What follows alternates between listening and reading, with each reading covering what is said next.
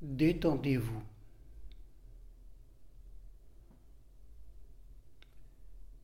Essayez autant que possible de défaire toutes les tensions inutiles dans le corps. L'influence de la respiration est très important à cela.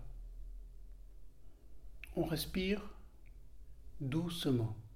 Il ne faut pas forcer sur la respiration. Elle doit être souple, comme l'eau du ruisseau. À l'inspiration, nous recevons l'énergie de tout le cosmos. Maintenant, en cet instant. Et à l'expiration, cette énergie se propage dans notre corps, dans tout notre corps, jusqu'aux plus petites cellules. Et de cette façon, petit à petit, avec l'observation nécessaire, il est possible de détendre, de défaire toutes les tensions inutiles dans les épaules, dans les muscles abdominaux, dans le visage, les yeux le front, les mains aussi ont une tension minimale. Les mains reposent sur le haut des jambes et en contact avec l'abdomen. La main gauche est dans la main droite. Les pouces forment avec les doigts un ovale ouvert, large. les pouces se touchent très légèrement, très subtilement, très doucement. En zazen, on pense avec les mains. Ces mains sont l'expression de l'esprit ouvert de l'esprit éveillé, l'esprit de Bouddha. Ce ne sont pas les mains qui saisissent, ce ne sont pas les mains qui rejettent, ce sont les mains qui, ici et maintenant, peuvent tout accepter, peuvent tout recevoir. Les yeux ne sont pas fermés.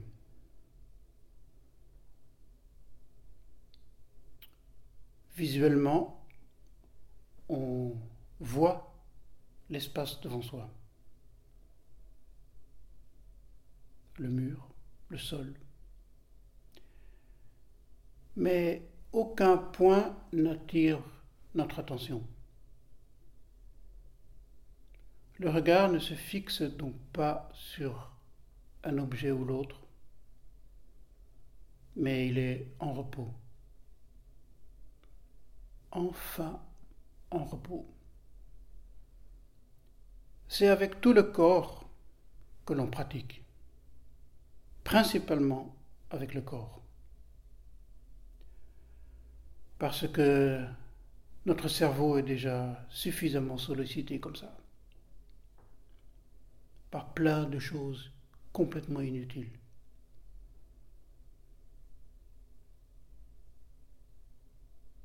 La voie du Bouddha, suivre la voie du Bouddha, l'enseignement du Bouddha, est quelque chose de très physique.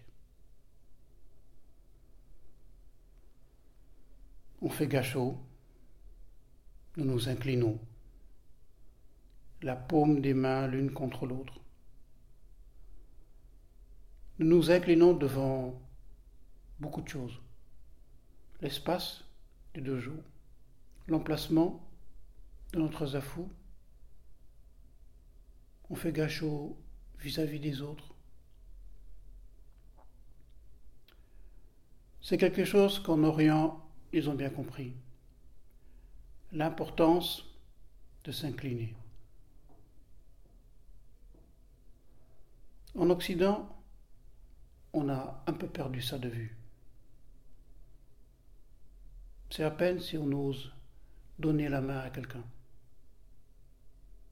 avoir un contact physique avec quelqu'un.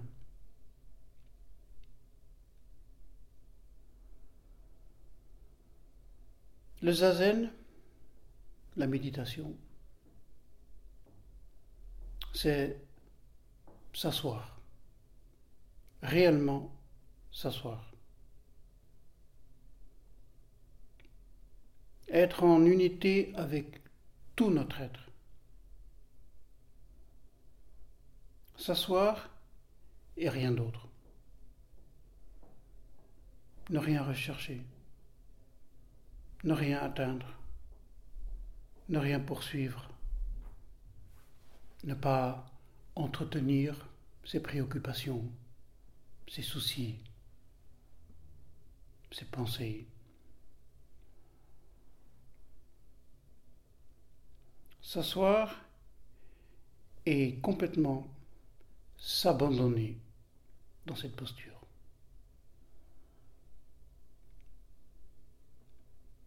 Complètement respirer.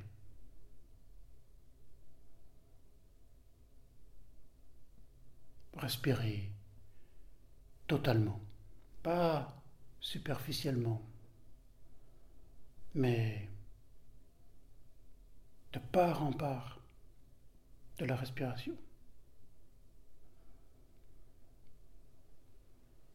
Suivre consciemment le mouvement de la respiration. On respire comme si c'était notre dernière respiration. Qu'est-ce qui compte alors? On fait zazen comme si c'était le tout dernier zazen. Qu'est-ce qui compte alors? On vit comme si on était éternel.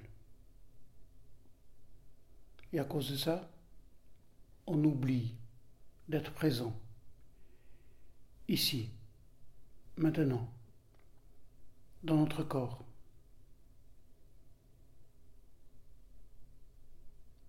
Kinin, la méditation en marche, c'est la même chose. On est debout, on fait des pas et on ressent complètement ce que cela veut dire être debout et faire un pas. Tout au long de la journée, on fait des milliers de pas sans vraiment savoir ce que cela veut dire bouger. Maître Kodosawa qui disait Zen n'a rien à voir avec les écritures, avec la philosophie, avec les sutras, avec les enseignements. Mais Zen a tout à voir avec comment bouger son corps. En d'autres mots, comment est-ce que l'on est dans la vie? Ah oui, et alors Comment est-on? Comment est-ce qu'on bouge? Dans beaucoup d'enseignements de Bouddha, cet aspect revient continuellement. Cette attention, cette vigilance pour le corps, pour les actions que l'on fait, pour les perceptions que nous avons par la voie des sens, l'attention pour les sensations, pour les émotions.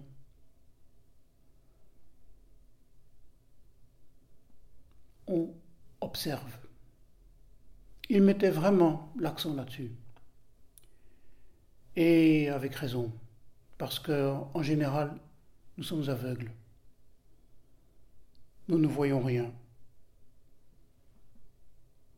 Nous comprenons rien à ce qui nous arrive, à ce que nous sommes, à ce que nous faisons. Comment on le fait? On vit souvent un peu comme des robots, un peu en pilotage automatique, avec par-ci par-là une petite envie, un petit désir pour ci ou pour ça. Tout cela, c'est un peu limité.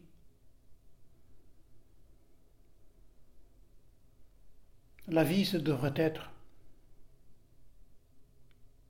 embrasser tout le cosmos avoir le plus grand désir possible.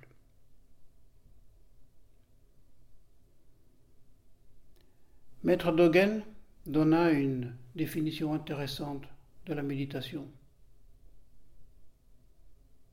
C'est un maître japonais du XIIIe siècle, le Moyen Âge. Il disait, méditer, faire zazen c'est s'oublier soi-même. C'est juste le contraire de ce que l'on entend aujourd'hui, partout, avec le mindfulness. C'est chérir soi-même, caresser son ego, s'oublier soi-même. Ça veut dire être complètement absorbé dans la posture, dans l'assise, et tout abandonner. Qui nous sommes, ce que l'on pense de ce que nous sommes, ce que l'on aime s'imaginer de ce que l'on est, les soucis que l'on se fait, les fantasies que l'on a. Tout ce Bataclan, ici et maintenant, n'est pas si important. Et il continuait, Maître Dogen, il disait, S'oublier soi-même, c'est rencontrer tout le cosmos.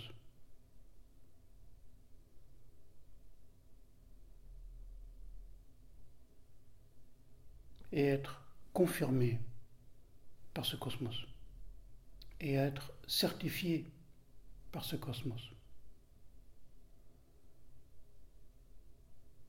Certifié dans ce que nous sommes vraiment. Notre véritable nature. Notre nature de Bouddha. État d'éveil. Vigilance. Observance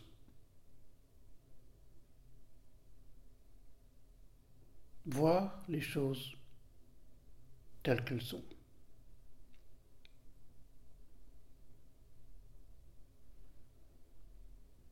Donc, dans la méditation, dans un zen, on se perd complètement.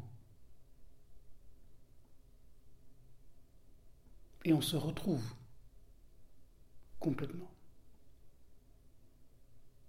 on retrouve son véritable soi.